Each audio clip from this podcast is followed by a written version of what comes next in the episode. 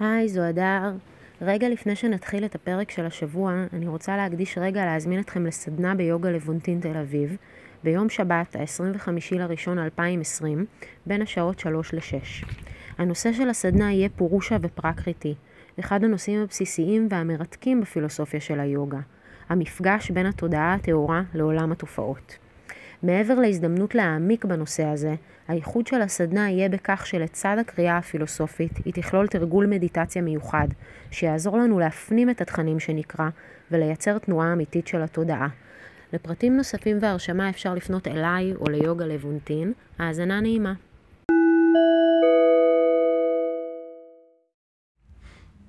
ניקח רגע להתאסף. נתמקם. שאיפה לשחרור מהפה.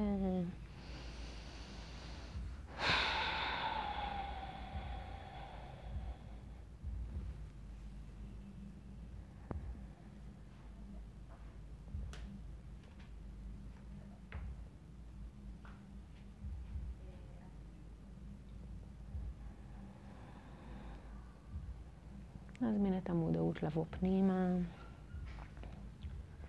לגוף, למפגש.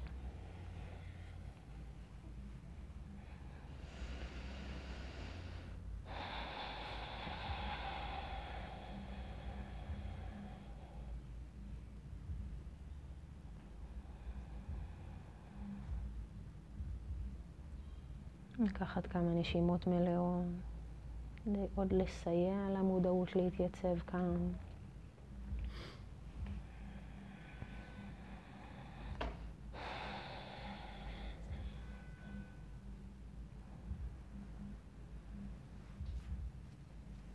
לאט לאט נפקח את העיניים, נחזור לחדר.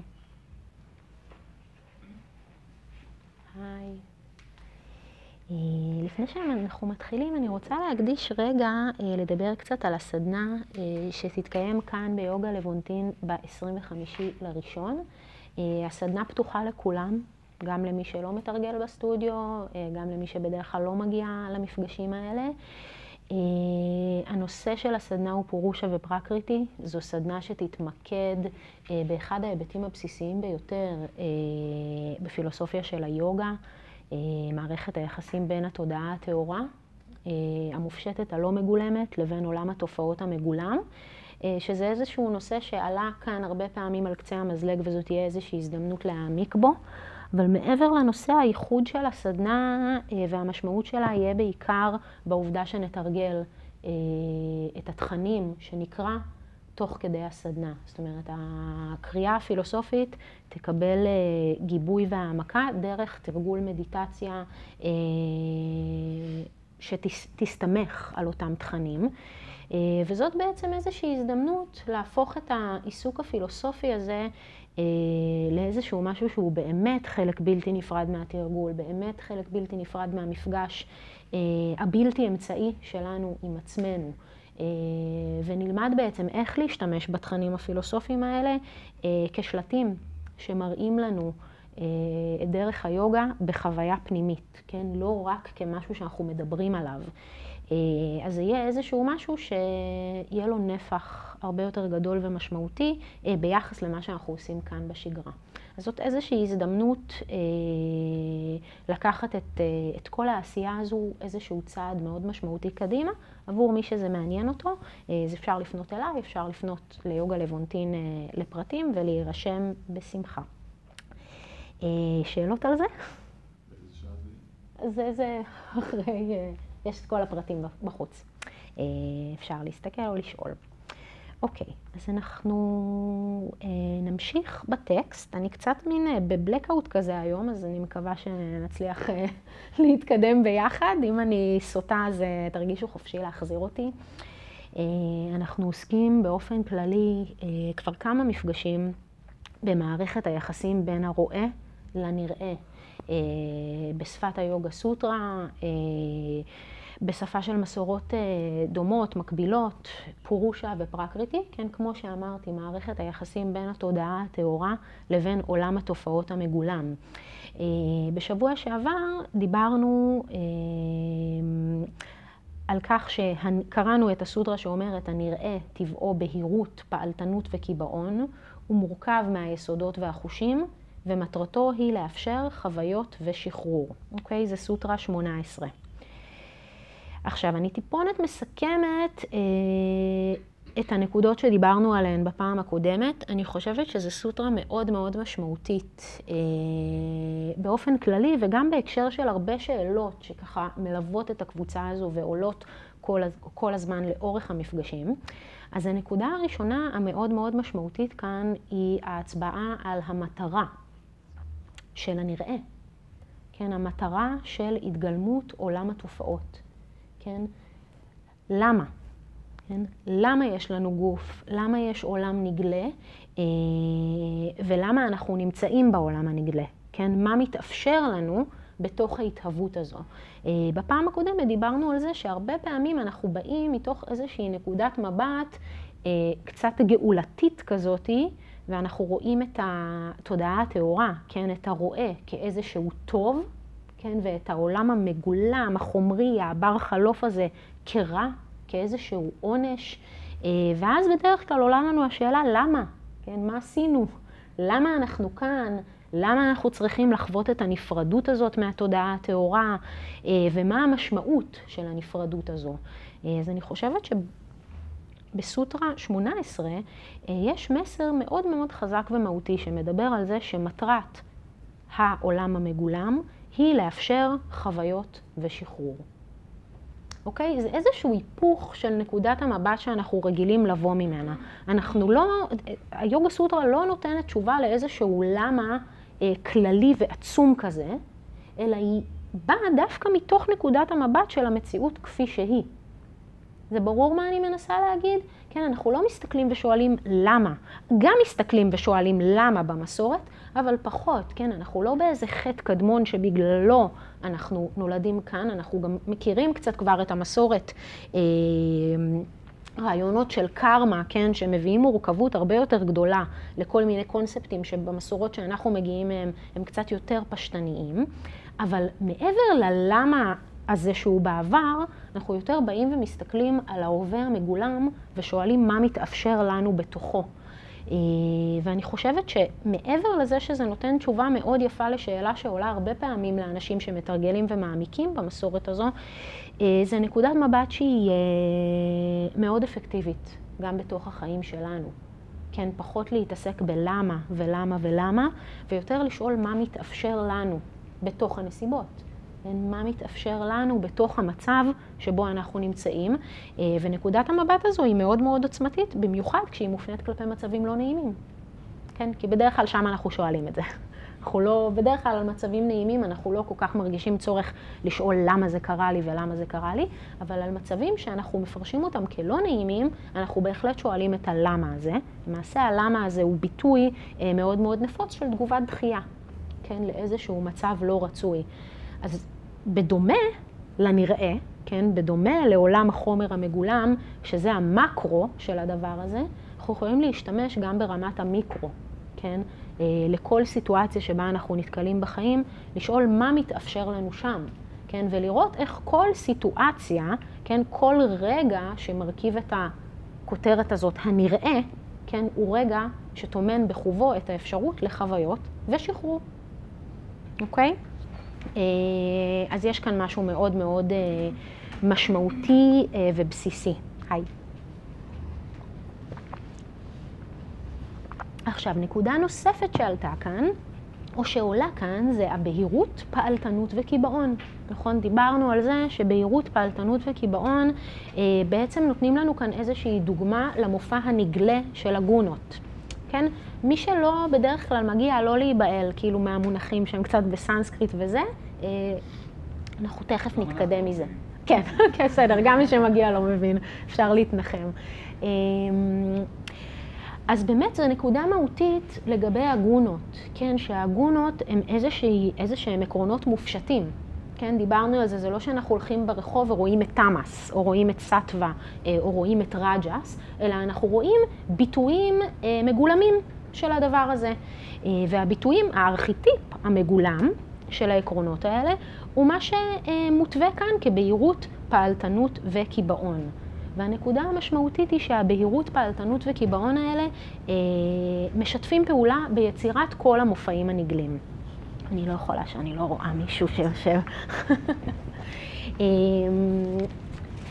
אוקיי, אז עוד איזושהי נקודה אה, שאני מאוד אוהבת את הסוטרה הזאת, כפי, כפי שאולי שמתם לב, אני חושבת שיש פה הרבה מטעמים אה, מבחינה פילוסופית שאפשר ככה למדוד אותם גם על הרבה סיטואציות אחרות. אז הנקודה שדיברנו עליה קודם היא, היא אחת כזו, וגם הנקודה הזו של בהירות, פעלתנות וקיבעון. כלומר, ההבנה שכל מופע נגלה, אה, כל אלמנט מגולם בעולם התופעות, מכיל בתוכו את שלושת האיכויות האלה, כן? מכיל בתוכו את הבהירות, מכיל בתוכו את הפעלתנות ומכיל בתוכו את הקיבעון. כן? גם מה שעל פניו נראה לנו כאיזה חושך אה, אה, ונמוך אולטימטיבי, כן? תמאס אולטימטיבי, מגלם בתוכו גם רג'ס וגם סטווה. ואותו דבר ההפך, כן, גם מה שנראה לנו כהסטווה האולטימטיבית, כהתואר המוחלט, נתנו פעם קודמת את הדוגמה של תינוק שהרגע נולד, גם הוא מגלם בתוכו את שלושת הגונות. אוקיי? אז יש כאן איזושהי הצבעה על כך שכל עולם התופעות הוא איזשהו תמהיל. כן, כל אובייקט בעולם התופעות הוא איזשהו תמהיל של שלושת האיכויות האלה, ומעצם היותו תמהיל הוא מתאפיין בתנועתיות ובפוטנציאל מאוד גדול לטרנספורמציה. אוקיי? העבודה שלנו היא לתת את הכיוון לטרנספורמציה הזו. כן? כל דבר, אם לא ניתן כיוון לטרנספורמציות שלו, יכול לעשות תנועה רנדומלית. ללכת לתמאס, ללכת לסטווה, ללכת לרג'ס. העבודה של התרגול זה לתת את הכיוון אל עבר טרנספורמציה של סטווה.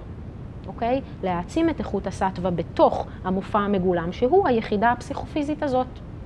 אוקיי, הגוף, התודעה וכל מה שאנחנו תופסים אותו כמרכיב את עצמנו, שזו סוגיה מורכבת בפני עצמה, שטעמנו ממנה קצת בתחילת הפרק ובפרק הקודם.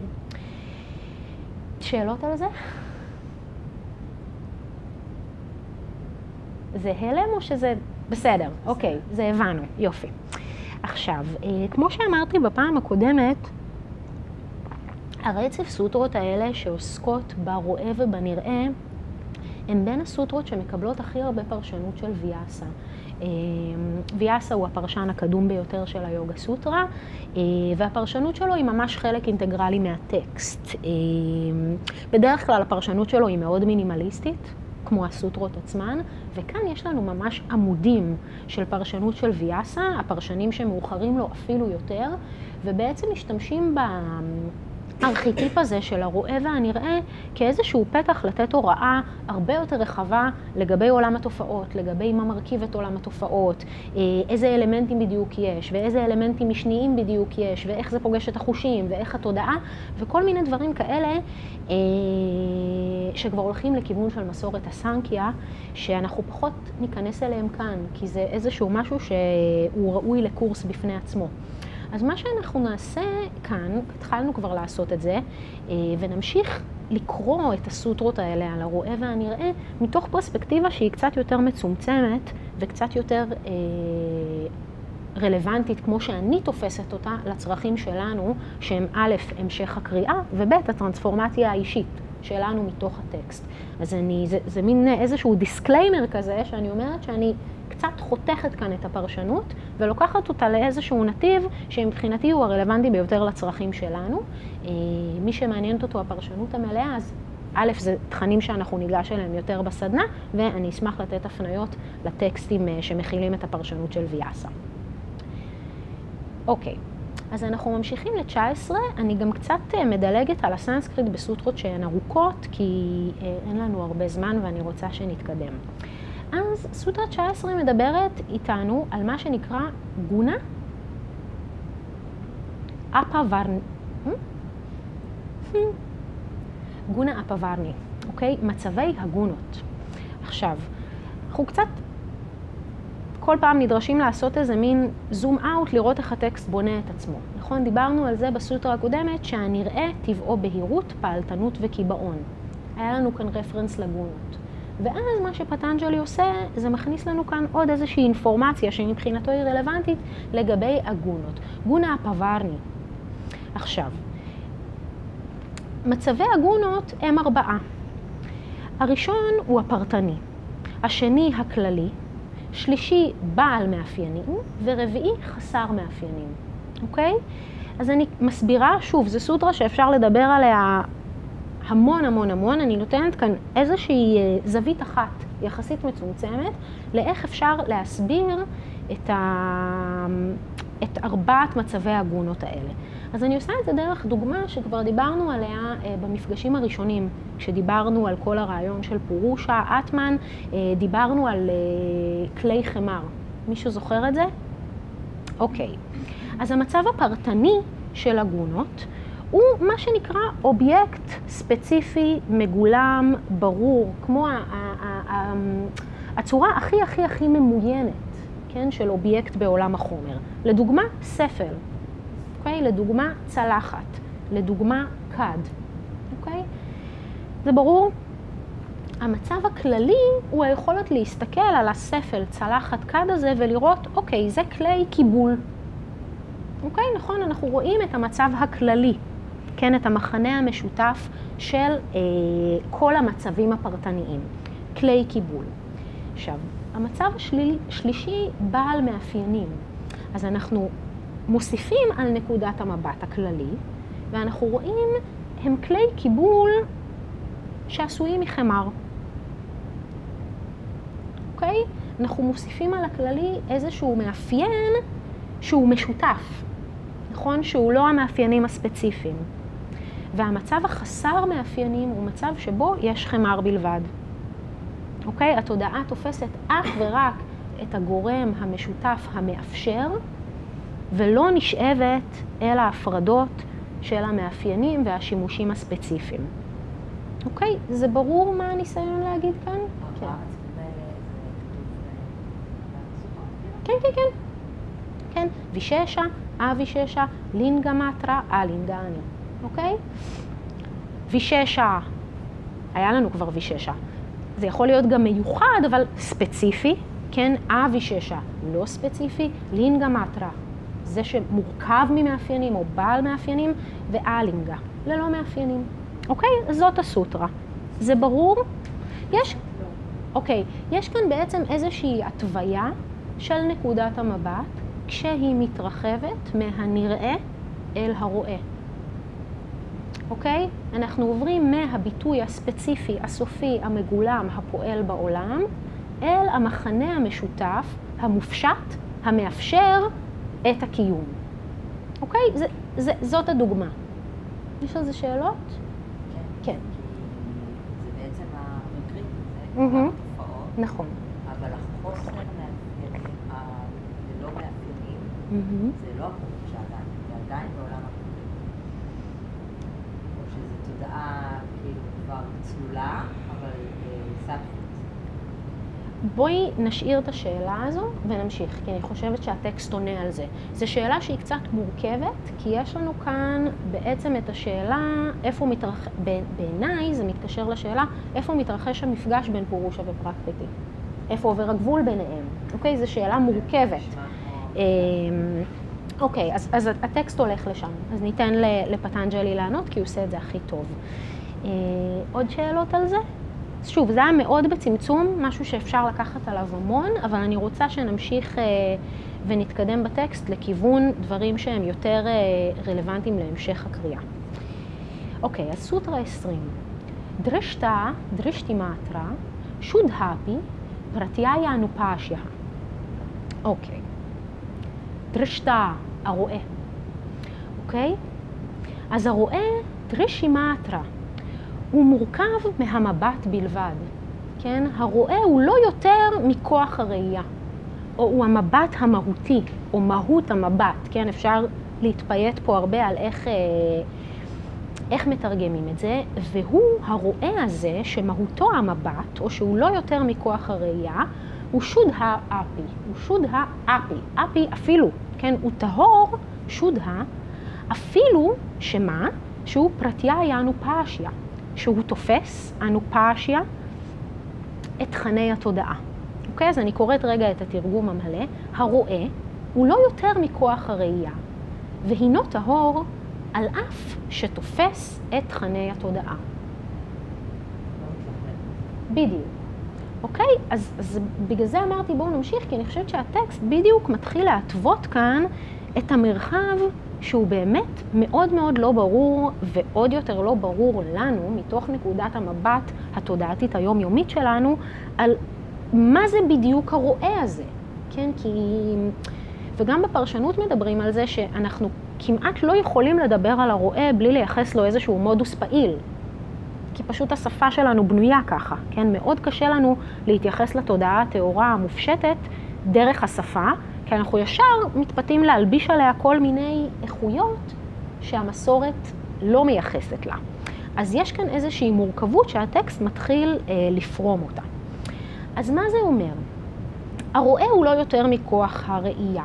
כלומר, ויאסה אומר, בפרשנות זה עובד ככה שהפרשן צריך לתת אה, סוג של מילה נרדפת, או ביטוי נרדף, לכל מילה שמרכיבה את הסוטרה. אז ויאסה אומר, דרשי מאטרה שווה דרשי שקטי. מה זה שקטי? מישהו מכיר? כוח, כן, אנרגיה. אז דרישי מטרה, מה זה אומר שהרואה הוא מורכב מהמבט בלבד, או שהוא המבט בלבד?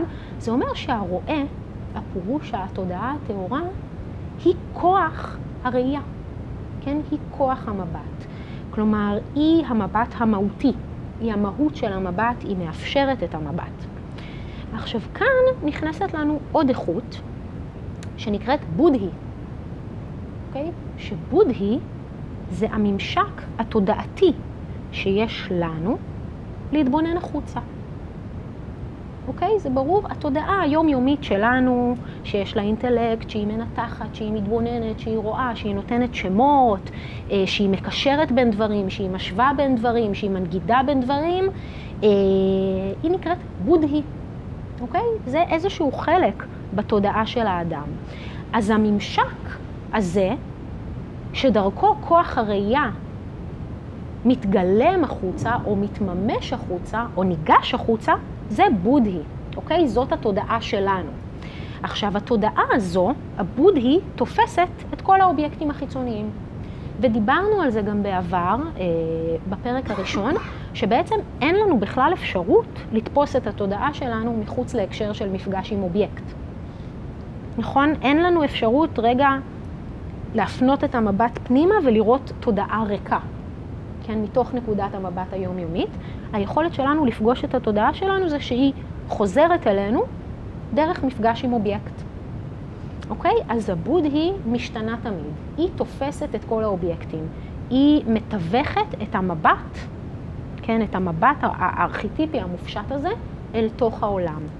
והיא בעצם זאת שמאפשרת התבוננות שתופסת וחובה השתנות. אוקיי? כי אנחנו מדברים על איזושהי איכות של תודעה טהורה, מופשטת ובלתי משתנה, שעוברת איזושהי התמיינות דרך הפילטר של בודהי לתודעה שהיא נעה, משתנה, היא דינמית, יש לה דעות, יש לה מחשבות, יש לה כל מיני ניתוחים, היא תופסת אובייקטים מתחלפים.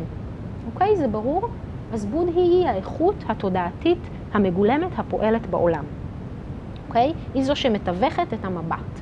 ובגלל שהיא תופסת אובייקטים משתנים, היא משתנה. כן, התודעה היומיומית שלנו, כולנו מכירים את זה, נכון? משתנה כל הזמן.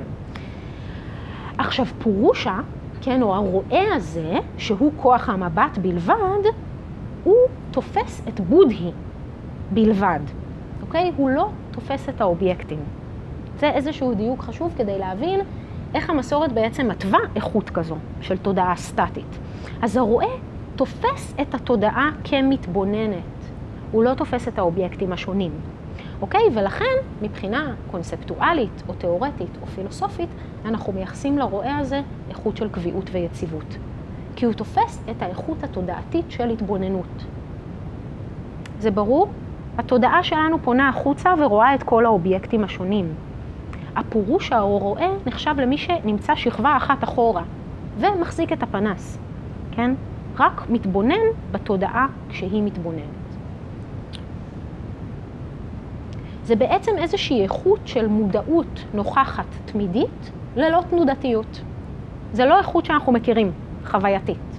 אוקיי? אנחנו יכולים להבין. כן. כן. לא, זה הפירוש הרואה. אוקיי. מתווך. נכון.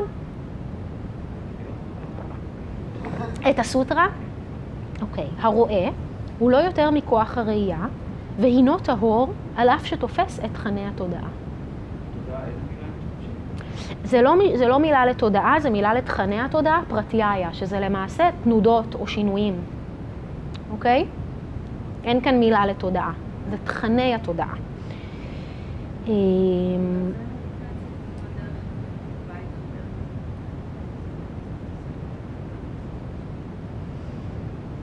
אני חושבת שזו שאלה רחבה, אבל בגדול, אה, אני חושבת שקודם כל הערך הראשוני של המדיטציה זה השקטת השאיבה האוטומטית של התודעה אל האובייקטים החיצוניים. אוקיי? והרבה פעמים, במסורת גם, כשמתארים את הדרך לשחרור, או מה זה ההגעה הזו לפורושה, מדברים במונחים של אלימינציה, כן? כי כמו שאמרנו, זה איזשהו מרחב שקשה להגדיר אותו בצורה פוזיטיבית. נכון? קשה להגיד זה זה. כי מעצם הגדרתו, המרחב הזה חומק מגבולות השפה. השפה שלנו התהוותה כדי להתייחס למגולם. אז אנחנו מדברים במונחים של אלימינציה, של השלה, של השלת ההישאבות של התודעה החוצה, השלת ההמשגות, השלת הדעות, השלת הנפרדות, אוקיי? כל מיני אה, ניסיונות כאלה, כן, לגשת דרך השפה למה שמעצם ההגדרה שלו חומק ממנה. אה, וזה דבר שאותי באופן אישי מאוד מעניין, זה גם הנושא של המחקר שלי אה, לתזה, ואני אשמח לדבר על זה עוד אה, בהזדמנות אחרת.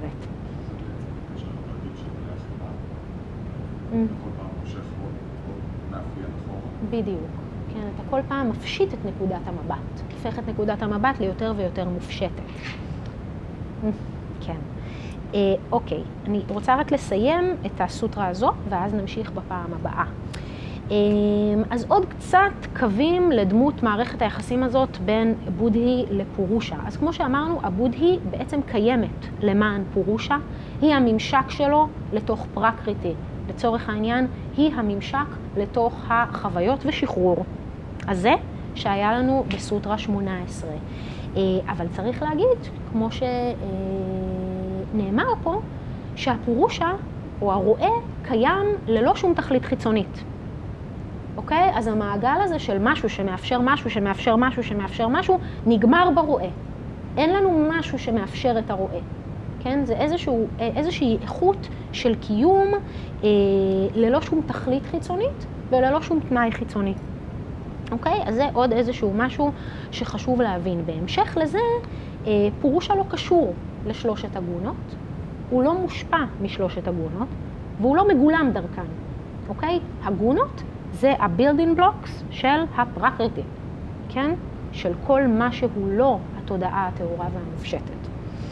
אה, פורושה הוא בעצם סיבת תפיסתה של בודהי, אוקיי? סיבה במובן של מהות, במובן של משמעות ובמובן של אפשור. כן, התודעה היומיומית שלנו תופסת ופונה החוצה מתוך האפשור של המצע הזה של התודעה הטהורה. עכשיו, הזיהוי של פורושה, שהיא תודעה טהורה, כמו שאמרנו הרואה, עם בודהי, כן, עם התודעה היומיומית, הוא השורש העמוק ביותר של מה שהמסורת קוראת לו אבידיה, אוקיי? מונח שדיברנו עליו כבר הרבה פעמים. עכשיו, אני רק רוצה להגיד על זה משהו קטן, כי הטקסט הזה נכתב באיזשהו הקשר אה, תרבותי-חברתי שבו חושבים במונחים כאלה. כן, של פורושה אה, ושל בודהי, זה לא שאנחנו מסתובבים וחושבים שפורושה ובודהי הם אחד. אוקיי, אתם, אתם מבינים על מה אני מצביעה כאן? אבל גם לנו יש את הבלבול הזה. אני רוצה לנסח אותו במונחים שקצת יותר רלוונטיים לנו. אה, כי זה לא שאנחנו ביומיום מתייחסים באופן מודע ומוצהר לתודעה הפרסונלית שלנו כתודעה טהורה. אוקיי, הבלבול הזה פחות מתגלם אצלנו ככה. הוא יותר מתגלם בזה שאנחנו מייחסים לתכני התודעה הפרסונלית היומיומית שלנו ערך של מוחלטות, של נצחיות, של יציבות ושל מופשטות. אוקיי? אנחנו לא רגילים לחשוב על התודעה שלנו כלא יותר מממשק לתפיסה של תופעות העולם המגולם. אנחנו מייחסים לתודעה שלנו איזשהו ערך אה, מיסטי, רוחני, מופשט, נצחי. כן, התודעה שלנו היא דבר שמאוד מאוד חשוב לנו, תכני התודעה שלנו מאוד מאוד חשובים לנו, אנחנו מייחסים להם ערך מאוד מאוד מוחלט, אנחנו מוכנים להילחם עליהם אה, בנחרצות מאוד רבה, אוקיי? ואני חושבת שזה האופן שבו הבלבול הזה מתגלם אצלנו. כן, העובדה שאנחנו מתבלבלים לתפוס את התודעה שלנו היומיומית כלא יותר מממשק שמאפשר התבוננות ותפיסה של עולם התופעות. אנחנו מייחסים להרבה מאוד איכויות שעל פי המסורת יש לייחס רק לתודעה הטהורה. לרואה, לפורושה, לבלתי מגולם.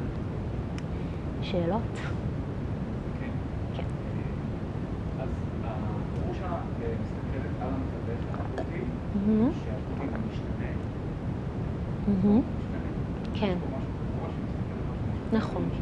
נכון. לא? לא, כי... אה, אוקיי, השאלה היא על, על זה שאיך פורושה, איך אנחנו מניחים שפורושה לא משתנה אם הוא מתבונן, אם הוא מתבונן בבודהי שהיא כן משתנה. אז א', זה במידה מסוימת נכון, אוקיי? זאת, זאת הסכמה של המסורת, אבל הפורושה בעצם תופס את איכות ההתבוננות.